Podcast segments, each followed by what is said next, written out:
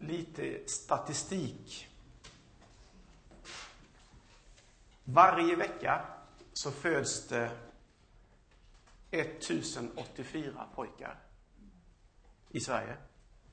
1018 flickor föds det. 21 pojkar fick namnet Lukas. Och 16 flickor fick namnet Maja. En vanlig vecka under 2008. 968 par gifte sig. 400 personer misstänktes för rattfylleri. En vecka 2008. 1 120 000 böcker lånades ut på något av våra folkbibliotek. Hälften av dessa var barnböcker.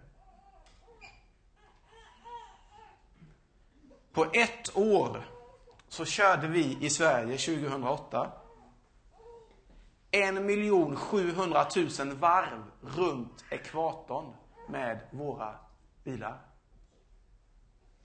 88 000 resor tur och retur till månen med våra bilar. 232 tur och returresor till solen gjorde vi med våra bilar. Tänk. 400 danskar fick svenskt medborgarskap.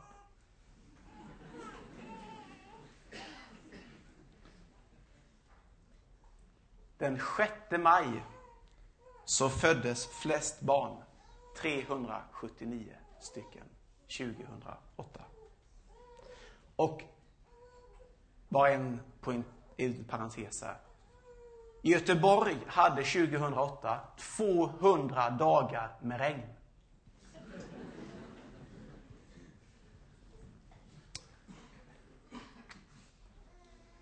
Nu ber vi. Tack Herre för att vi får be och säga Herre, öppna vårt hjärta för ett tilltal ifrån dig. Tack Herre att vi får be att ditt ord ska lysa in och göra sig påmint i vårt liv. Just nu. Amen. Jag ska predika ifrån Jesaja 45. Se om vi får upp det på väggen. 22 till 24. Vänd er till mig, folk från hela jorden, så ska ni bli hjälpta. Jag är Gud, ingen annan finns. Jag svär vid mig själv, det, säger, det jag säger är sant. Mitt ord står fast. För mig ska alla böja knä. Alla ska svära trohet. Blott hos Herren ska det heta finns seger och styrka. Alla som vänt sin vrede mot honom ska komma till honom i skam. Jesaja levde på 700-talet före Kristus. Det är 66 kapitel i Jesaja bok. De kapitlen från 1 till 39 är en profetisk varning för Israels och Judas kungar. Att de ska vända om ifrån det de håller på med. Och löftet om att Gud ska se till och hålla runt sitt folk igenom prövningen. Det är de första 39 kapitlen en liten grov överskrift. 40 till 66 kallas för trösteboken bland teologer. Det är uppenbarelser om faror som kommer, men också om trösten ifrån Gud. Väldigt grovt skissat, dessa 39 och 40 till 66. Vår text finns ju då alltså i trösteboken. Jesaja, kan man säga, är ju den bok som på ett sätt bekräftar Jesus allra mest i Gamla Testamentet i kapitel 2, 52 i Jesaja, så kommer ju detta med Jesu lidande väldigt tydligt beskrivet. Alltså Jesaja bok är den bok som historiskt sett ser framåt 700 år i tiden och bekräftar Jesu lidande. Jesaja bok kan vi, kan vi läsa om långfredagens lidande. Om pingstens budskap om helig ande kan vi läsa om i Jesaja bok. Och om julens budskap om Jesu födelse. Alltså Jesaja bok är en profetisk bok som såg 700 år fram i tiden och såg en hjälpare för folket som skulle komma till deras situation framåt.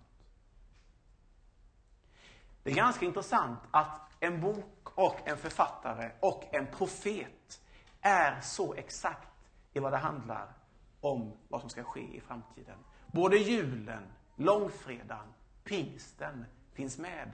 De tre riktigt stora grundpelarna. Och då kommer man tänka det att, ja, men kan inte någon ha skrivit dit det i efterhand? Ja, så kan man säkert se på det. Men, ni minns Döda havsrullarna som man hittade? Döda havsrullarna har på många sätt, och andra fynd, har bekräftat att det som skrevs och det som sades 700 år innan Jesu födelse var bekräftat alltså. Det som Jesaja sa är inte till, alltså nedskrivet när Jesus fanns där, utan det är skrivet ungefär 700 år innan han föddes. Alltså en bekräftelse. Vår text börjar med Vänd er till mig, folk från hela jorden. Alltså ett löfte om Kristus.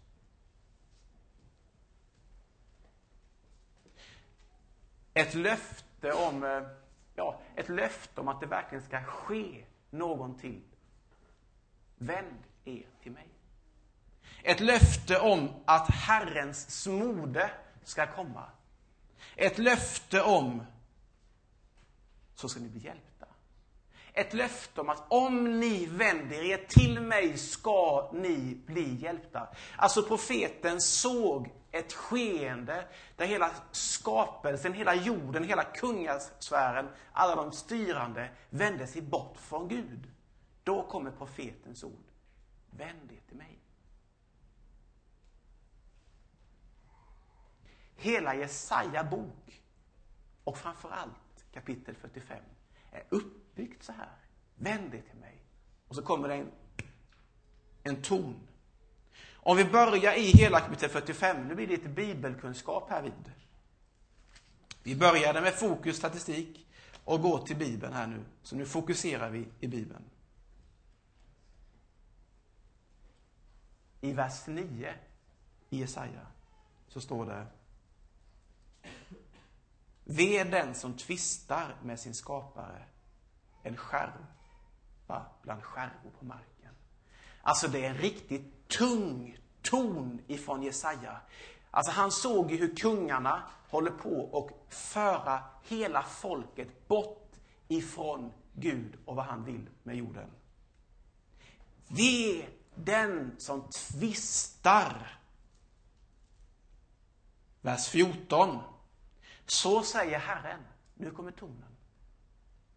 Det rika Egypten, det välmående Kush och Sebas resliga folk ska tillfalla dig och bli ditt. Det ska gå bakom dig, komma i bojor, det faller ner inför dig och ber med orden. Bara hos dig finns Gud. Ingen annan finns. Ingen annan än Gud. Alltså det är en riktigt skarp ton här till kungarna. Till kurs. Till de som finns där. Alltså det är en ton att om du vänder dig till mig så ska det gå väl för dig. Men om du vänder dig bort ifrån Gud, då ska det inte gå väl för dig som kung och ledare.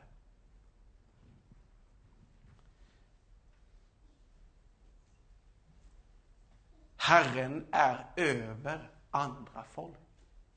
Alltså på något sätt så är det så att Herren står över hela skapelsen. Och om man vänder sig till, Gud, då kommer det att gå väl för den ledaren. I vers 18 så är det en profetisk proklamation över att folket ska söka sig till Herren. Ja, alltså det är alltså en, ett kapitel på 25 verser som är som någon form av dramaturgi. En dramaturgi som man kan tänka sig att man kan försöka få in i vårt sammanhang. Vår text, om man tänker sig våra fyra verser, så är det en väldigt öppen början. Vänd er till mig. En väldigt öppen, vänd er till mig. Och frågar, varför ska jag göra det? Jo, så ska ni bli hjälpta. Först ska vi vända oss. Och varför? Jo, så ska ni bli hjälpta. Jag är Gud, ingen annan. Mitt ord står fast. För mig ska alla böja knä, alla ska svära min trohet. Och då tänker jag så här. Om texten är så här i början, väldigt öppen i början och inbjudande, vänd dig till mig. Så går den ner och blir lite mera snäv. Och så kommer det en utmaning. Om ni vänder er till mig och böjer knä inför mig, så ska jag vara med er. Och i vers 25, som inte står här, så står det Genom Herren ska alla Israels ättlingar vinna seger och ära. Alltså på något sätt så är det som att den öppna inbjudan och den knivskarpa utmaningen mynnar ut i en evighet och en himmel. Och här är ju på något sätt textens struktur. Det är den som talar till dig och mig. På något sätt är det så att Jesus finns där, den öppna famnen. Han är den Guds son som finns på jorden. Han står där och väcker ut sin hand. Sen blir det lite mer skarpt. Och så säger han, den som följer mig ska aldrig någonsin vandra i mörker, utan vandra i ljuset. Sannerligen, jag är vägen, sanningen och livet. Kom till mig och drick av helig ande.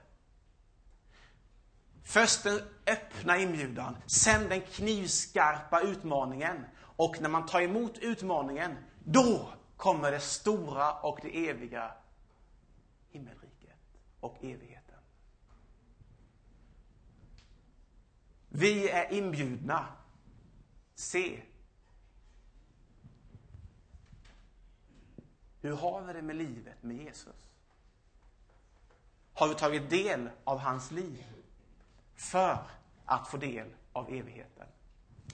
Den här texten här, ja, det här är så intressant förstår ni. Tycker ni det? Ja, vad bra. Någon däremot?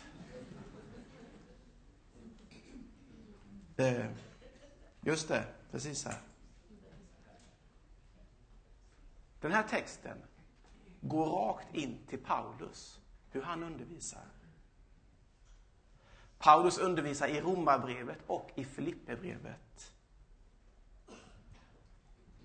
Ty det står skrivet, alla knän ska böjas och alla tungor ska prisa Gud. Paulus kopplar till Jesaja ord. Han kopplar hela sitt, sin undervisning, sitt resonemang till en undervisning som funnits med över 700 år tidigare. Alla knän ska böjas och alla tungor ska prisa. Alltså, säger Paulus, ska var och en avlägga räkenskap hos Gud.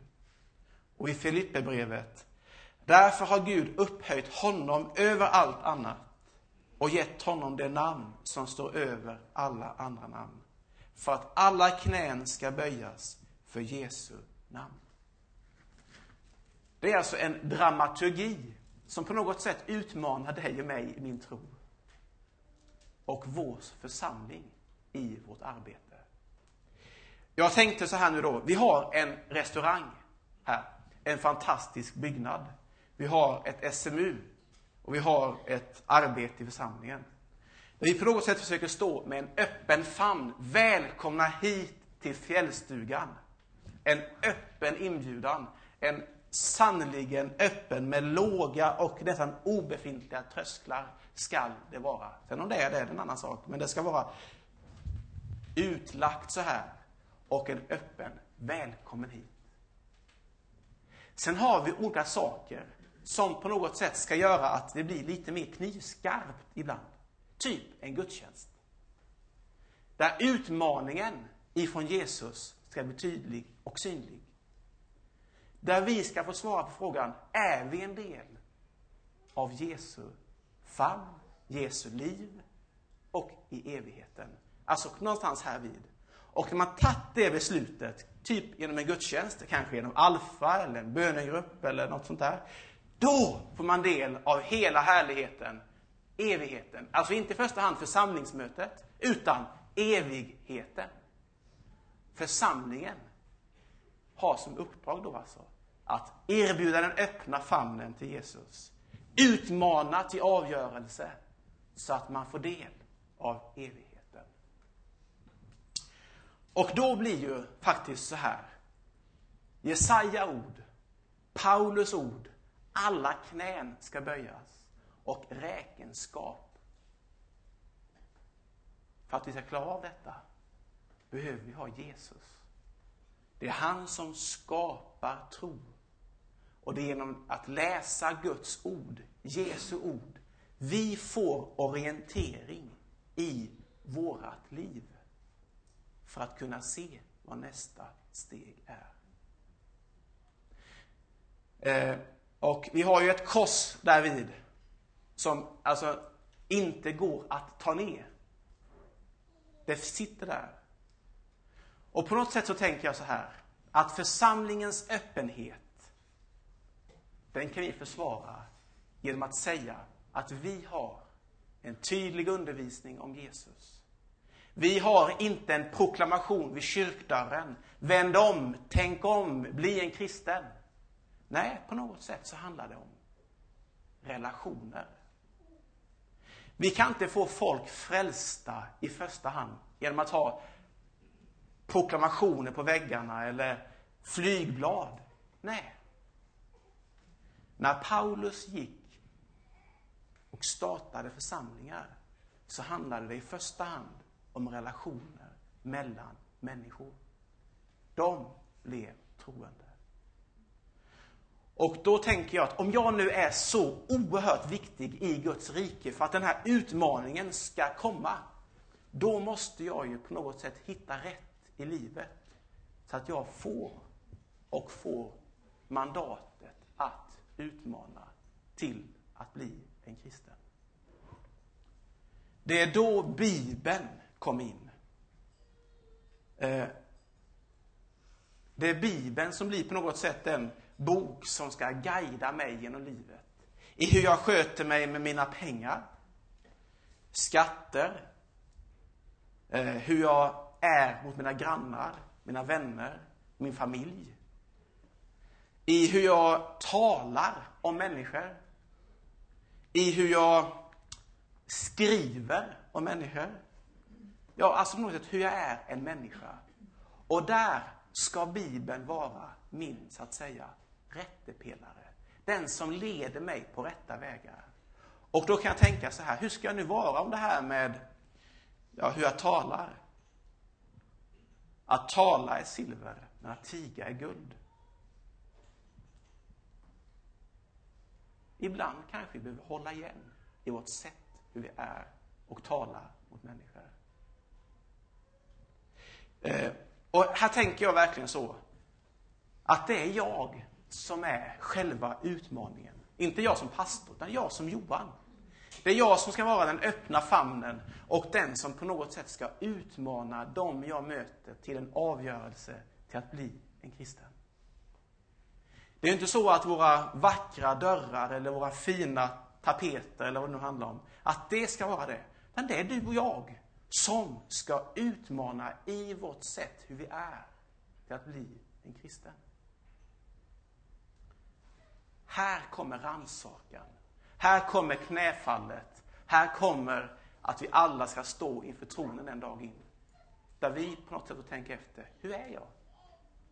Är jag den som visar på Kristus? Eller är jag den som för människor bort från Kristus?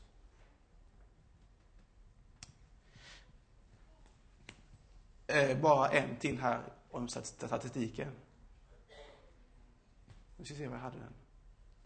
3 procent av Sverige är bebyggt 2008. I Jönköping så är det ungefär 10 procent som är kristna. 90 procent är inte kristna. Där kommer vi in. Du och jag kom in. Det är 90 procent som står utanför Guds nåd. Utanför Guds famn. Det är en utmaning. Amen. Tack Herre att vi får böja våra huvuden.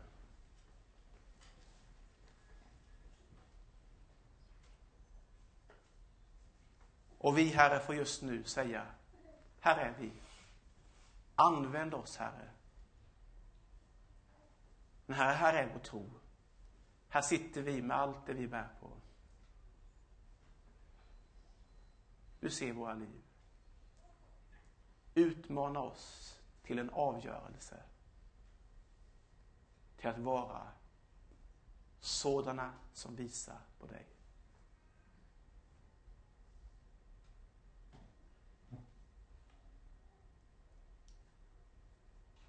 Herre, jag ber om det.